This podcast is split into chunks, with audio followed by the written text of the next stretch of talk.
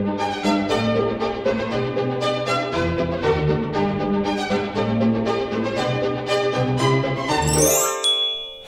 och välkomna till Kungligt. Med Jenny Alexandersson. Och Sara Eriksson. Den här veckan så spelar vi in ett specialavsnitt om drottning Silvia. Den 23 december så fyller ju vår drottning 77 år och därför så passar det ju alldeles utmärkt att tillägna dagens avsnitt åt jubilaren, eller hur Jenny? Det gör det ju verkligen. Och eh, det var ju så att eh, den 23 december 1943 så fick direktör Walter Sommerlath och hans brasilianska hustru Alice Sommerlath en dotter.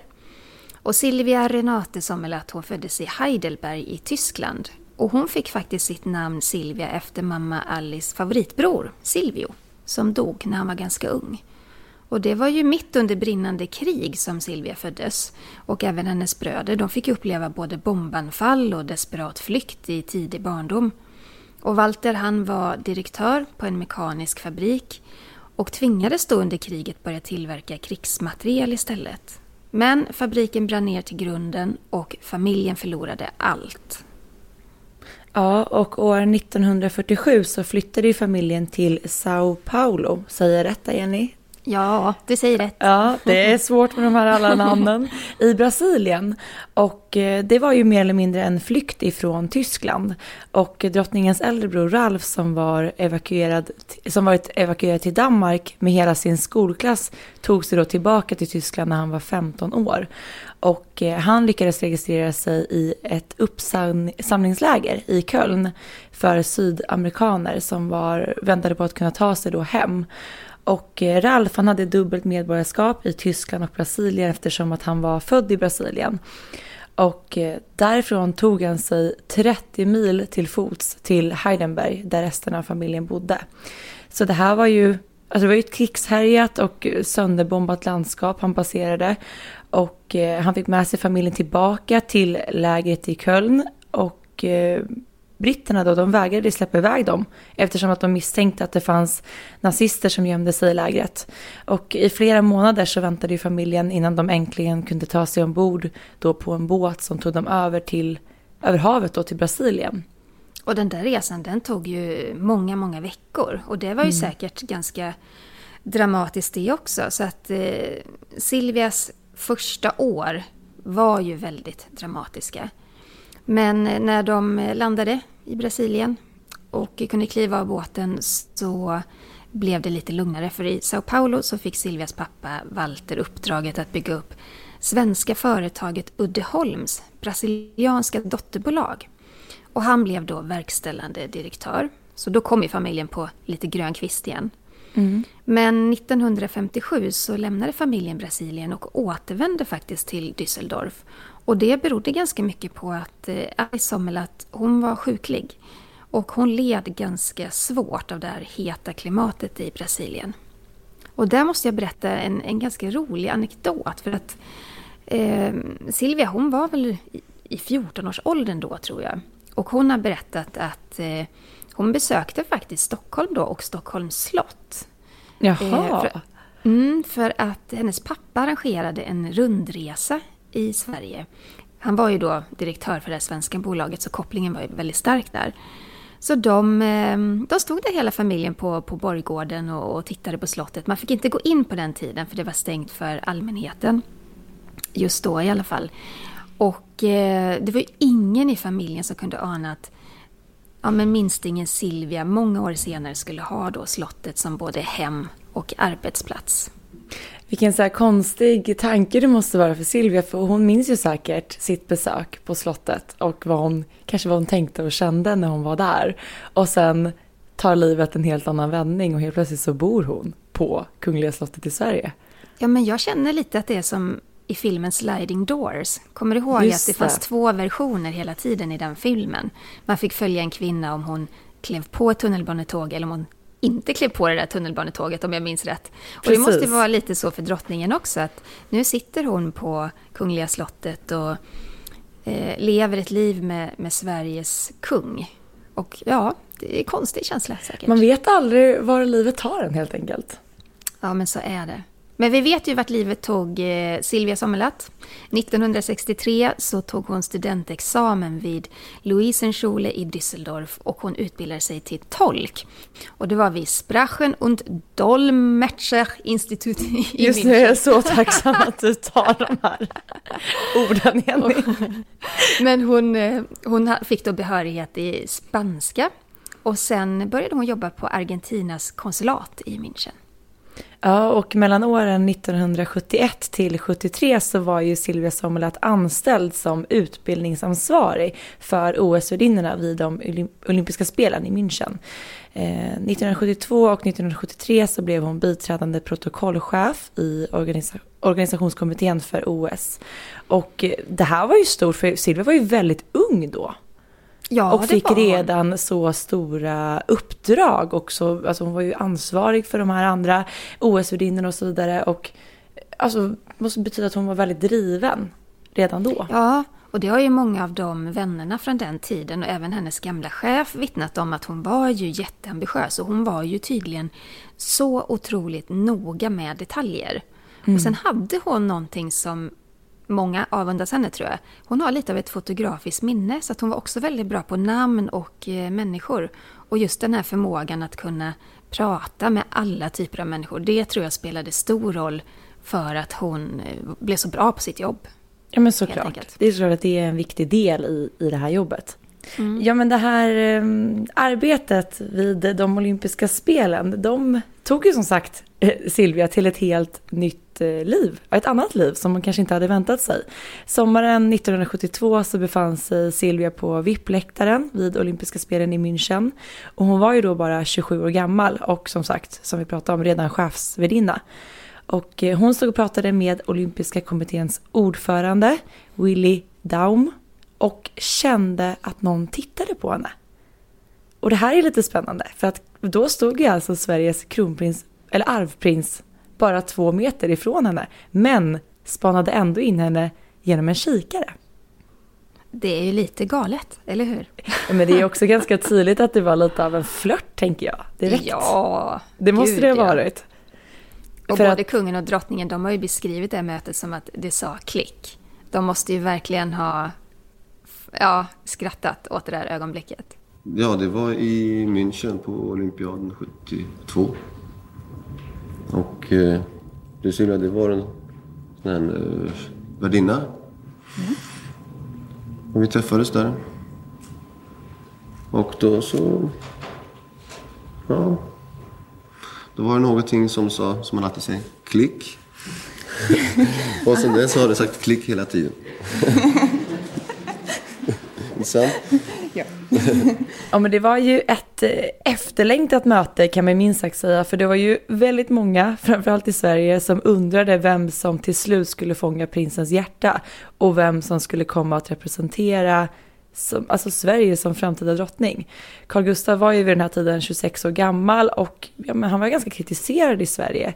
Han var ju lite av en festprins och eh, allt som ofta så syntes ju han till ute i svängen. Och pressen var ju också ganska duktiga på att skriva negativ om den här framtida kungen. Man såg ofta olika bilder med nya damer men det verkade inte som att någon riktigt lyckades fånga hans hjärta. Nej, och det politiska läget i Sverige då, eh, det var ju väldigt kritiskt till monarkin.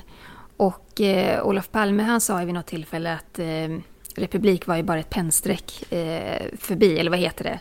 Att, han skulle, att med, med en underskrift så hade man kunnat förvandla då monarkin till en republik. För mm. att eh, det var sådana politiska vindar som blåste då. Mm. Men efter att eh, prins Carl Gustav och Silvia träffats på VIP-läktaren så träffades de faktiskt igen vid en cocktailmottagning under OS.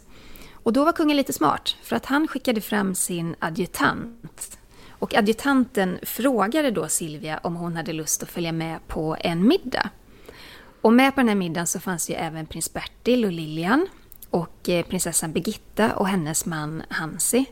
Och jag har ju liksom hört berättas om den här middagen att det var ingen lugn mottagning. Alltså det, var ingen, det var ingen royal ordningsam middag utan eh, det var väl en del vin och öl som dracks där. Och jag tror att det är eh, Birgitta som har berättat att eh, Hansi tog på sig någon slags cap eller någonting och låtsades vara en tjur och eh, ja, men började skoja med hela sällskapet. Så att jag kan tänka mig att, att Silvia ändå liksom fann sig... Hon var ju van vid alla typer av situationer och människor och jag tror att hon ändå tyckte det var rätt kul.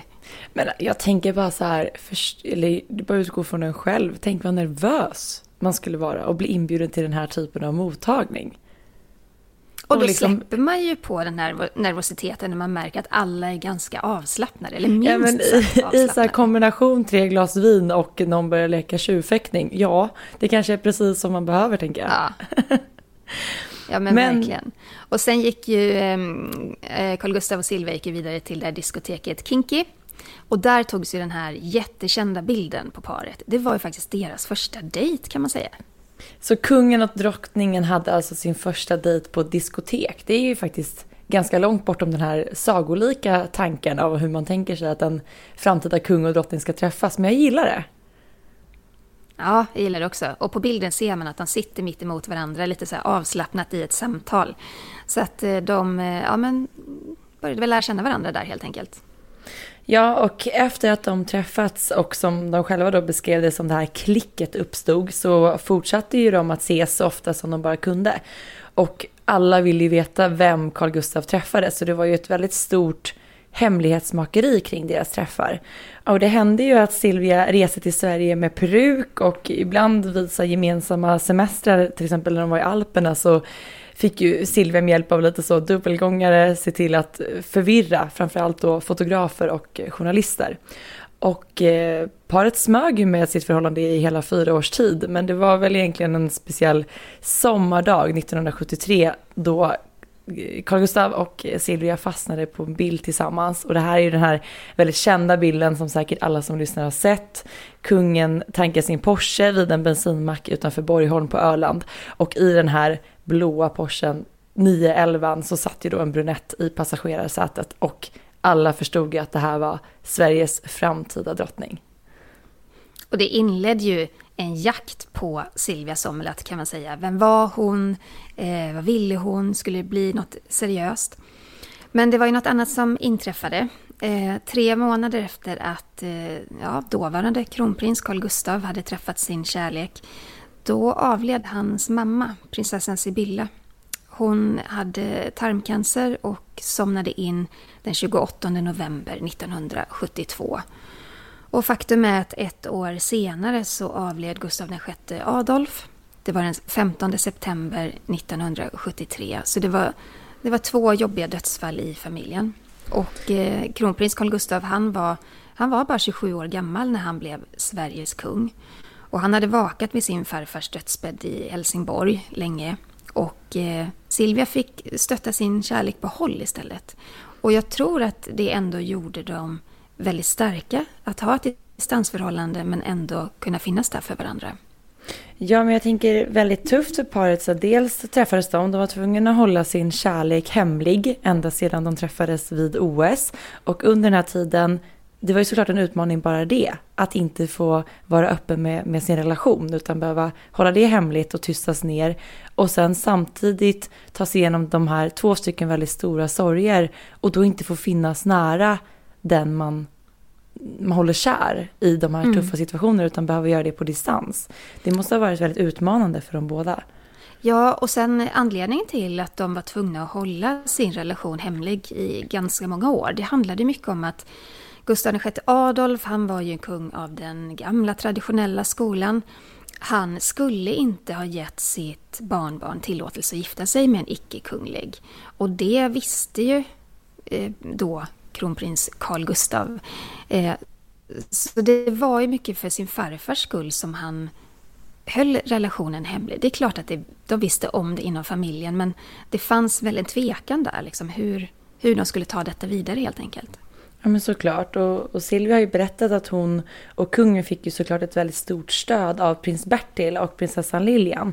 För de hade ju fått hålla sin kärlek hemlig och bygga ett team på distans och bakom stängda dörrar under en väldigt lång tid. Så att de om några visste väl hur man på ett ganska så bra sätt kunde hantera hela situationen. Mm. Och Silvia hon har ju även berättat att eh, hon hade mer stöd den här tiden. Bland annat av drottning Ingrid av Danmark. Och det var ju så gulligt för att eh, Ingrid hon bjöd ju faktiskt ner drottning Silvia eller hon var ju inte drottning då, men hon, hon bjöd ner Silvia Sommerla till Danmark i tre dagar inför förlovningen just för att ge henne stöd och råd och visa lite mer handfast hur man agerar som drottning. Ja, för det är ju just ju... det som är så svårt. När man kommer så ny, Silvia har ju själv sagt det så här, att det fanns ingen faktabok för hur man, hur man ska göra. Så det krävs mm. ju bara att få ta del av tidigare erfarenheter. Så det var väl ett väldigt bra sätt att göra det. Ja men verkligen, och det fanns ju ingen första dam i Sverige på, på många år. Prinsessan Sibylla hade avlidit och, och innan dess fanns det ju inte det heller. Men drottningen har berättat att även kungens syster, prinsessan Kristina, var ju ett stort stöd för henne. Och eh, hon kunde vända sig till Kristina när hon ville, men också Ingrid och, och Lilian såklart. Eh, och så hade ju drottningen även eh, Ingrids dotter, prinsessan Benedikte. De är ungefär jämngamla. Hon ingick också då i den här innersta kretsen. Jag tänker att det kanske var just det här kvinnliga stödet som Silvia fick i kombination med hennes egen styrka och mod som gjorde att Sverige mötte en väldigt harmonisk och samlad blivande drottning i den här gröna soffan på Kungliga slottet den 12 mars 1976. Så var det säkert. Då var ju alla medier inbjudna till prinsessan Sibyllas våning på Kungliga slottet. Vi känner ju igen den där soffan. Det gör vi. var enormt och eh, alla förstod ju vad som skulle avslöjas såklart. Och eh, Silvia Sommerlath och kungen satt där tillsammans och eh, det var ett väldigt fint ögonblick, säkert lite nervöst också. Men, Men jag efter tänker förlovningen... Oj, förlåt. Vi spelar ja. in på distans, man pratar i munnen på varandra. Ja. Vad skulle du säga om förlovningen? Jag skulle säga det att den här soffan har ju verkligen blivit en symbol för deras kärlek. Mm. Eh, det var, och sen också tänker jag, var nervös för Silvia i och med att hon pratade ju faktiskt svenska i den här intervjun. Så det var inte bara det att hon skulle möta hela Sveriges pressuppdåd och media utan hon skulle också prata svenska. Så det, var, det krävs ju ett mod och en styrka. Men, alltså jag har ju ett minne av, du vet när man tittar på de här gamla filmerna och klippen från förlovningen. Mm. Så, eh, jag tror det är Karl, eh, nej vad heter han, Elfsberg, vad heter han? Klas. Eh, Klas Elfsberg, han, han gör ju intervjun för SVTs räkning och eh, då ställer han frågan på svenska, hon svarar lite kort på svenska och sen vänder hon sig till kungen och nu får du hjälpa mig eller något sånt där, säger hon. Och kungen lite så här lutar sig tillbaka och säger nej, nej, du får klara dig. Och jag menar, det är lite, det är ganska tufft. Man är rätt ny i landet, ja. kan inte språket ordentligt. Men jag tyckte hon gjorde det med sån charm. Men hon skärmade alltså hon, ju ett hon, helt land. Ja, och jag menar, hon blir inte nedslagen av kungens kommentar, utan ja, men då klarar hon sig. Hon, hon, hon kör ju racet. Ja men verkligen, ja, men det, det är bra jobbat måste jag säga. Och mm. eh, efter förlovningen då så flyttade ju Silvia från Tyskland och flyttade faktiskt då in hos prins Bertil och Lilian på Villa Solbacken. Det är ju det huset där prins Carl Philip och prinsessan Sofia bor med sina barn idag. Och eh, det här var ju Silvia tvungen att göra innan hon då officiellt kunde flytta in på Kungliga slottet som hon gjorde efter vigseln.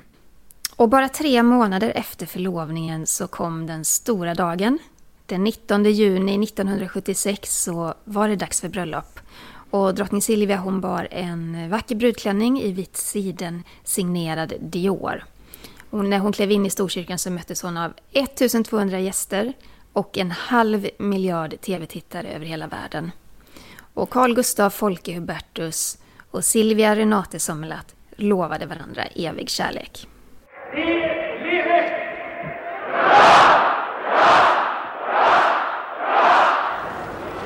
Kära vänner. Är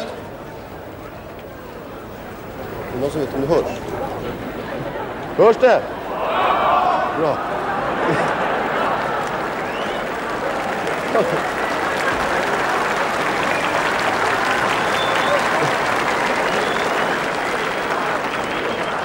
Kära vänner.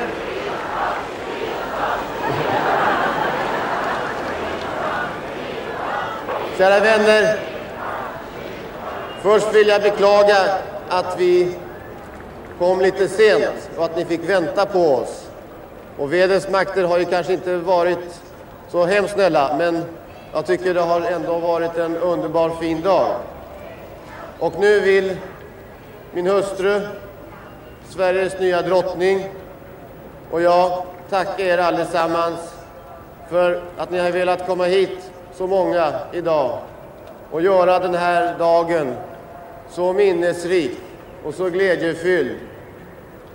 Vi känner en stor värme som strålar mot oss och vi känner det är alldeles underbart. Jag talar för min fru.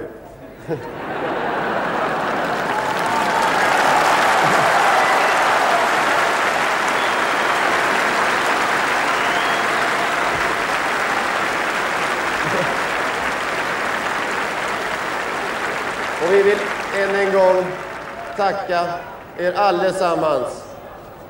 Verkligen. Vi är så lyckliga. Tack för att ni ville komma. Tack. Ja, men det finns ju så himla många härliga minnen och detaljer ifrån det här bröllopet och alla festligheter runt omkring. Och där kan vi tipsa om ifall att du vill höra mer om just det kungliga bröllopet så lyssna på ett tidigare avsnitt av Kungligt som heter Kungen och drottningen, en kärlekshistoria och det avsnittet släpptes den 30 april 2020. Ja, drottning Silvia, hon, det var en historisk vigsel för att hon blev ju den första icke-kungliga person som blev drottning av Sverige sedan Karin Månsdotter gifte sig med Erik den 14 1568. Så det var, hon skrev ju verkligen historia. Det var dags. Det var dags. att uppdatera det. Mm. Mm. Och efter bröllopet så flyttade drottningen in på Kungliga slottet i prinsessan Sibyllas våning tillsammans med kungen. Och lite drygt ett år senare, den 14 juli 1977, så föddes parets första barn. Och det var kronprinsessan Victoria. Men hon var prinsessa då, ska vi lägga till. Ja men det var hon ju. Och sen den 13 maj 1979 så föddes ju prins Carl Philip som då föddes som kronprins. Mm, och det var han väl i nio månader innan den här grundlagen ändrades. Precis. Och 1981 då flyttade hela familjen ut till Drottningholms slott. Och året därefter så föddes prinsessan Madeleine den 10 juni 1982. Ja, och alltså det här bröllopet kommer ju såklart att förändra hela Silvias liv på, från grunden. Men som vi pratade om tidigare så är även svenskarnas syn på kungen och monarkin. Eh, man kommer ju att säga mycket att så här, drottning Silvia räddade den svenska monarkin för att helt plötsligt så blev ju kungahuset populärt igen och man fokuserade ju såklart väldigt mycket på den här unga drottningen som hade kommit att ta kungen med storm. Ja, och hennes ansikte satt ju på omslaget på, i veckopressen eh, vecka ut och vecka in, alltså i flera år. Så hon var ju superpopulär verkligen. Och Silvia hon var ju från början väldigt mån om att hon skulle vara en arbetande drottning. Och eh, hon klev in på det här väldigt mansdominerade slottet och förvånade alla när hon bad om ett skrivbord och en skrivmaskin. Eh, de här gamla hovmännen på slottet de kunde inte riktigt förstå vad hon skulle med en skrivmaskin till. Men drottning Silvia såg ju på det här uppdraget som drottning och att det skulle vara ett arbete snarare än en livsstil. Så hon var väldigt mån om att, att hon skulle få sitt kontor och kunna arbeta helt enkelt. Vilket är den viktigaste uppgiften för Sveriges drottning? Om vi bortser från privatlivet och familjelivet. Vilket är den viktigaste uppgiften?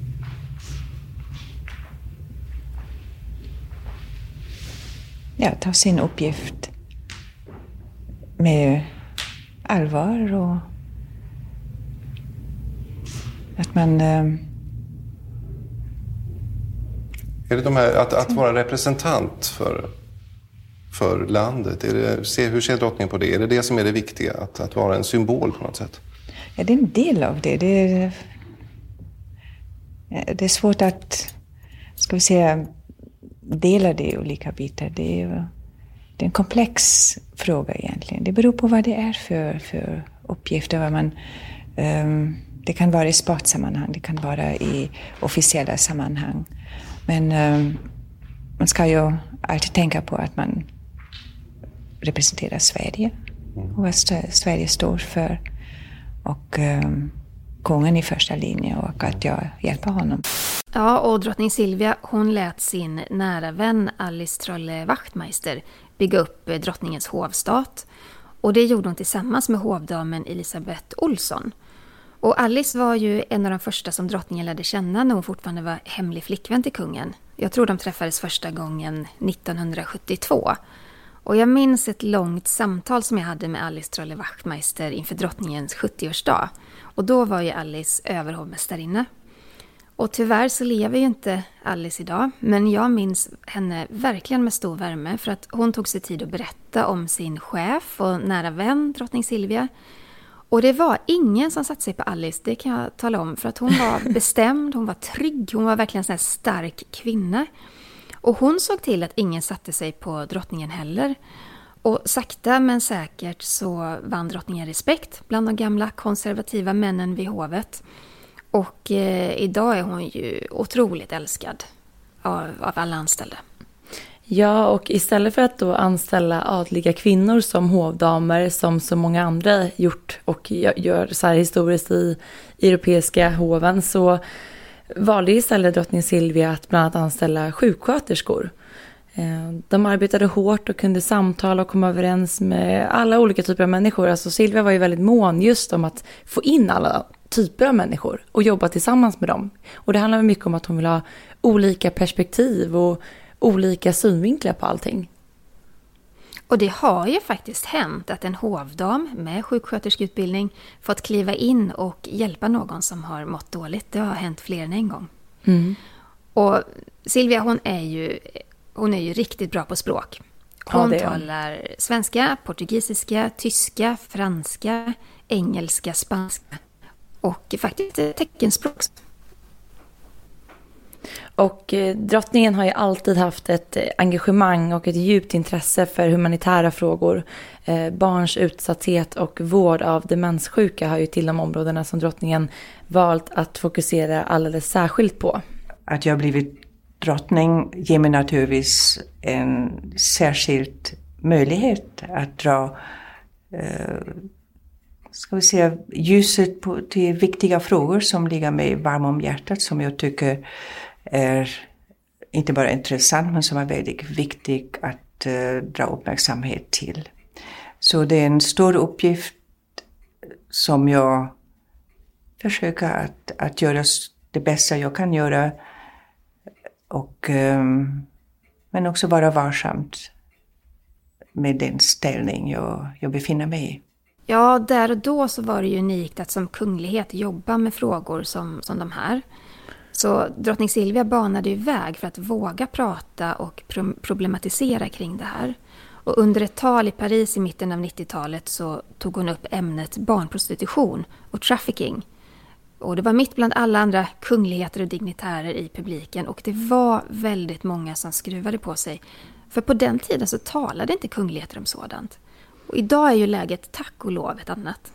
Och det är ju också förmodligen mycket tack vare Silvia, just för att hon vågade där och då ta upp de här frågorna som fick kanske många andra att skruva på sig.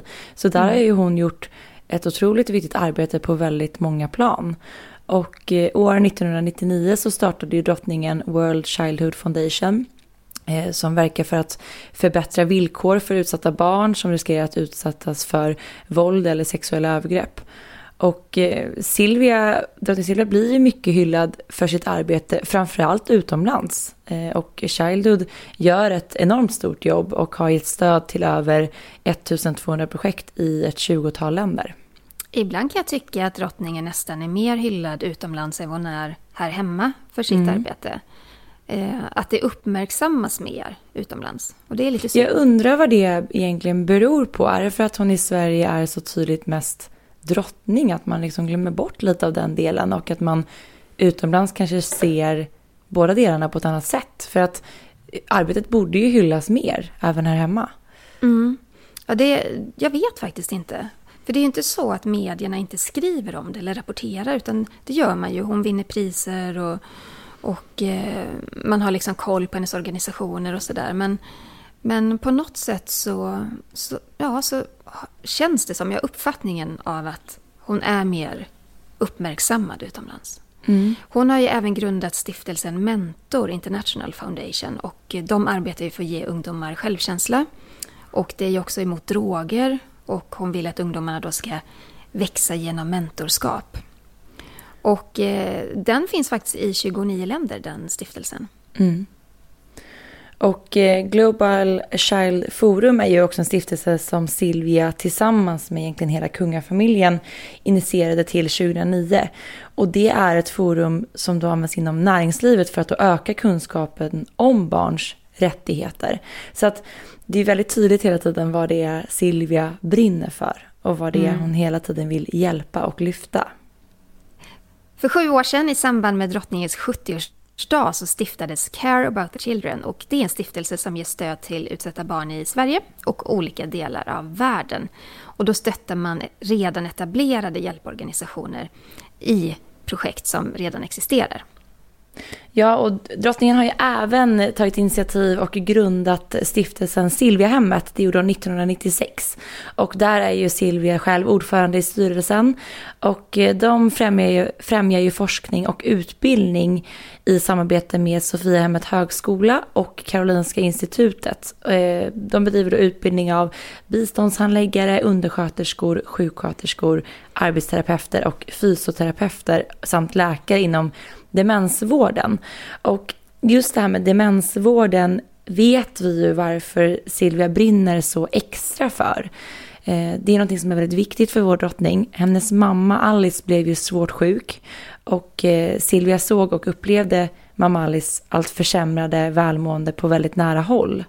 Så att det är någonting som har kommit att påverka hennes liv väldigt mycket.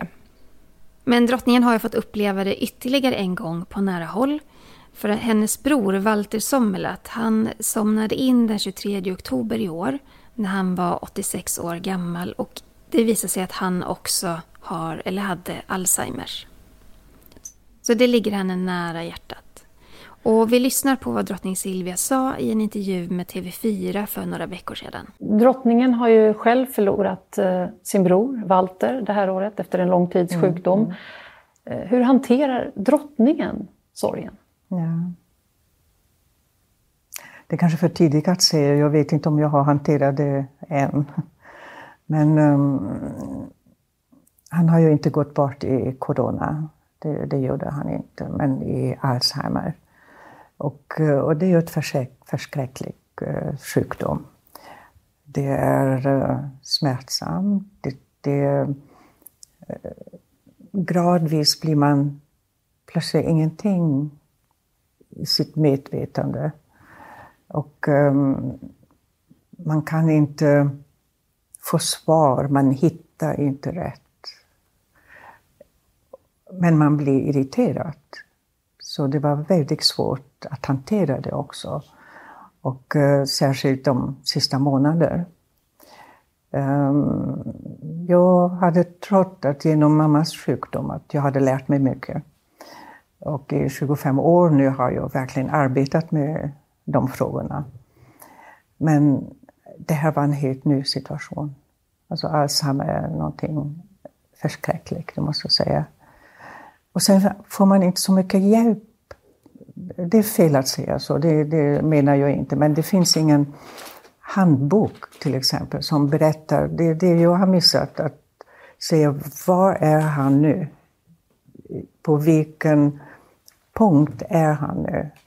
Kräver jag för mycket eller för lite? Kan jag förvänta mig att han reagerar på det och det sättet? Um, och där tror jag att vi måste hjälpa och visa och berätta hur det är och vad man ska göra. Ja, det var en väldigt tagen drottning som berättade om sin bror Walters bot bortgång. Eh, hon sa ibland att då trodde jag lärt mig mycket efter min mammas sjukdom och mitt arbete med detta i 25 år. Alzheimer är någonting förskräckligt. Och när man tittar på den intervjun så är ju Silvia väldigt tårögd och hon gjorde ju intervjun ganska så kort efter eh, sin broders bortgång. Så det är klart att det är väldigt tufft för drottningen och familjen i denna tid. Men om man ska sammanfatta drottning Silvias arbete och engagemang så kan man ju verkligen säga att det handlar mycket om att hennes hjärta slår för de utsatta i samhället. Det är mycket utsatta barn, men det är också demenssjuka, de äldre. Och eh, just det modet att våga lyfta kontroversiella frågor där i början när hon var ny som drottning, det banade ju verkligen väg för henne.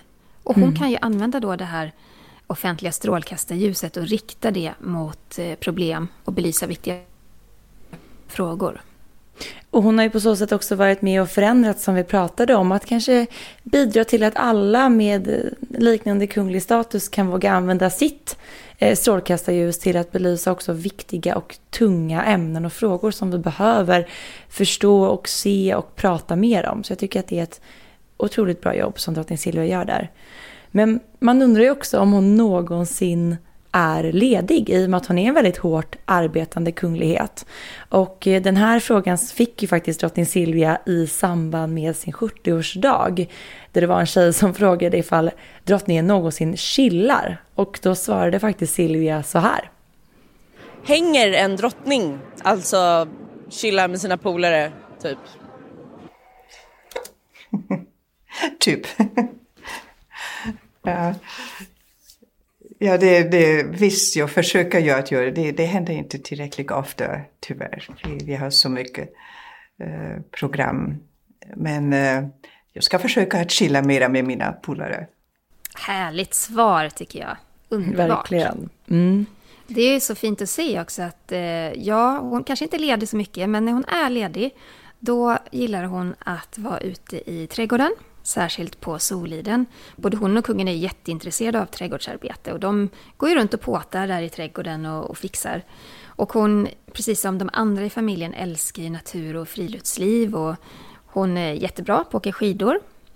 Och sen nu när hon har fått barnbarn så är det såklart mycket fokus på dem när hon är ledig. Hon har ju själv sagt det att det är livets efterrätt. Mm, just det.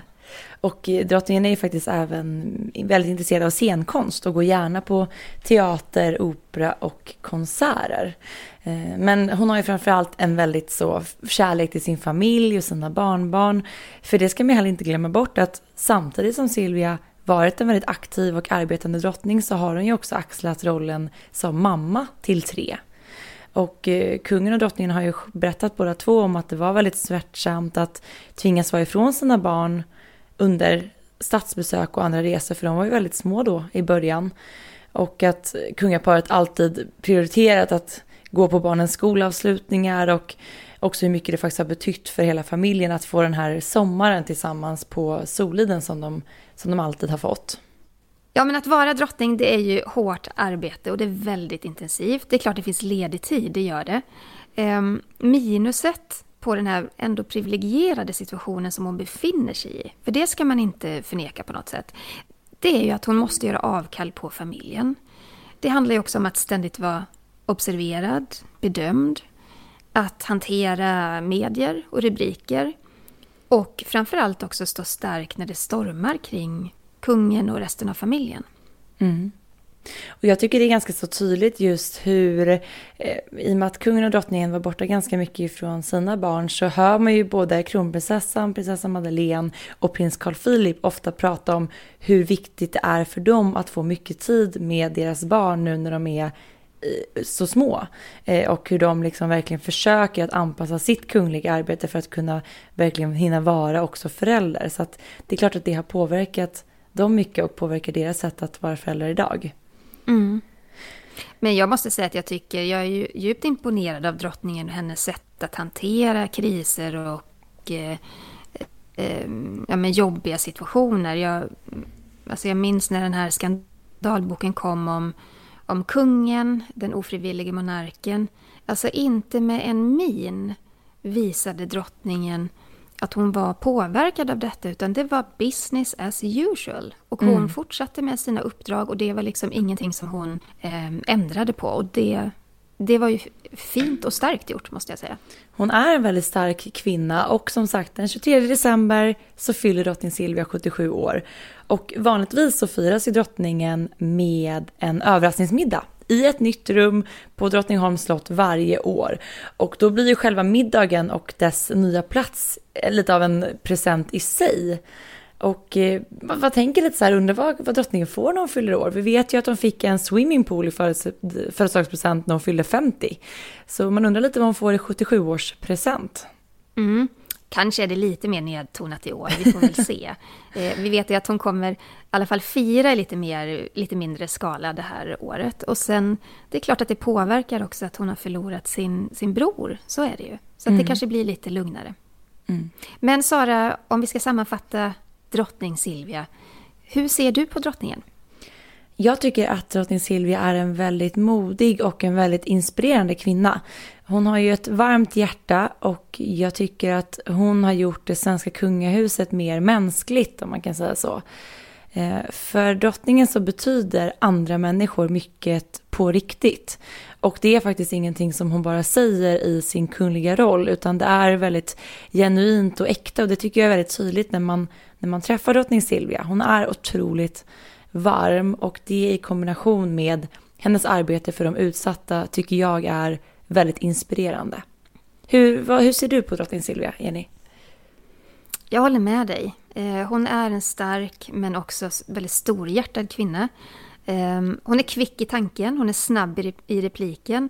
Men hon, hon är det på ett väldigt ödmjukt och roligt sätt. Hon kan skämta och ha glimten i ögat. Men det är väldigt royal. Alltså hon riskerar aldrig att såra någon utan hon gör det på ett fint sätt.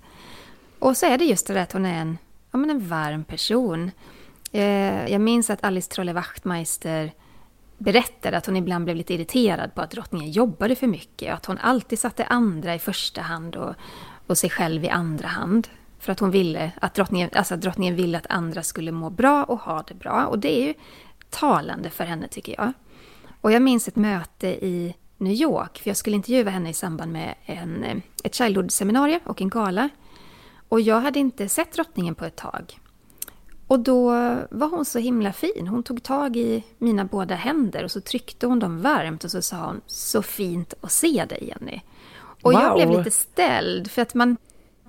Det, jag har ju inte riktigt den relationen till kungafamiljen på det sättet. Det har ju inte journalister på det viset.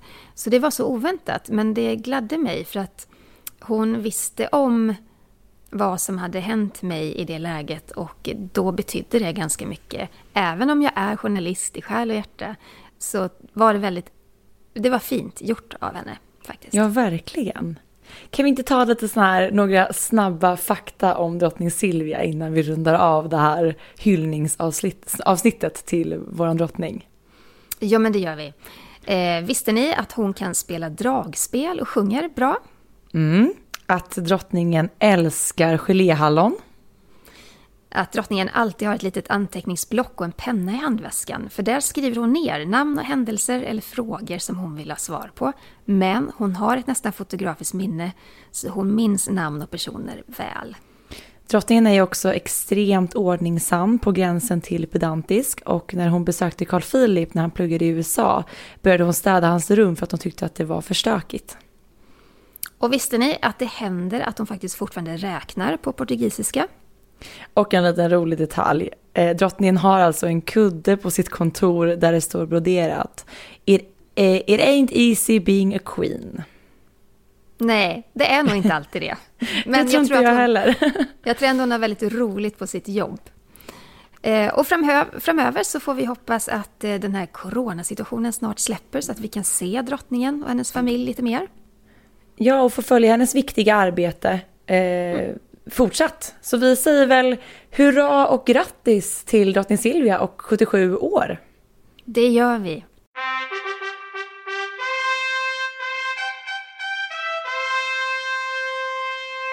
Glöm nu inte att följa oss på sociala medier. Jenny, var hittar man dig? Jag finns på Instagram på Kungligt med Jenny. Och du då Sara? Royalistan.se och glöm heller inte att prenumerera på vår podcast. Det gör du genom att trycka på prenumerera-knappen och där kan man även betygsätta podden, så gör gärna det. Och så vill vi passa på att önska er alla en riktigt god jul. Nu när podden släpps är vi mitt uppe i julstök och julfirande eller jullugn. Jag hoppas ni alla har en rogivande, härlig jul. Verkligen och tack för att ni fortsätter lyssna. Vi kämpar på med att spela in på distans. Förra veckan var min poddmick upp och ner. Det är internet som krånglar. Det är hantverkare som renoverar. Men vi gör vad vi kan och vi tycker det är så kul att ni lyssnar och följer oss på den här kungliga resan. God jul och gott nytt år! God jul! Hej då! Hej då!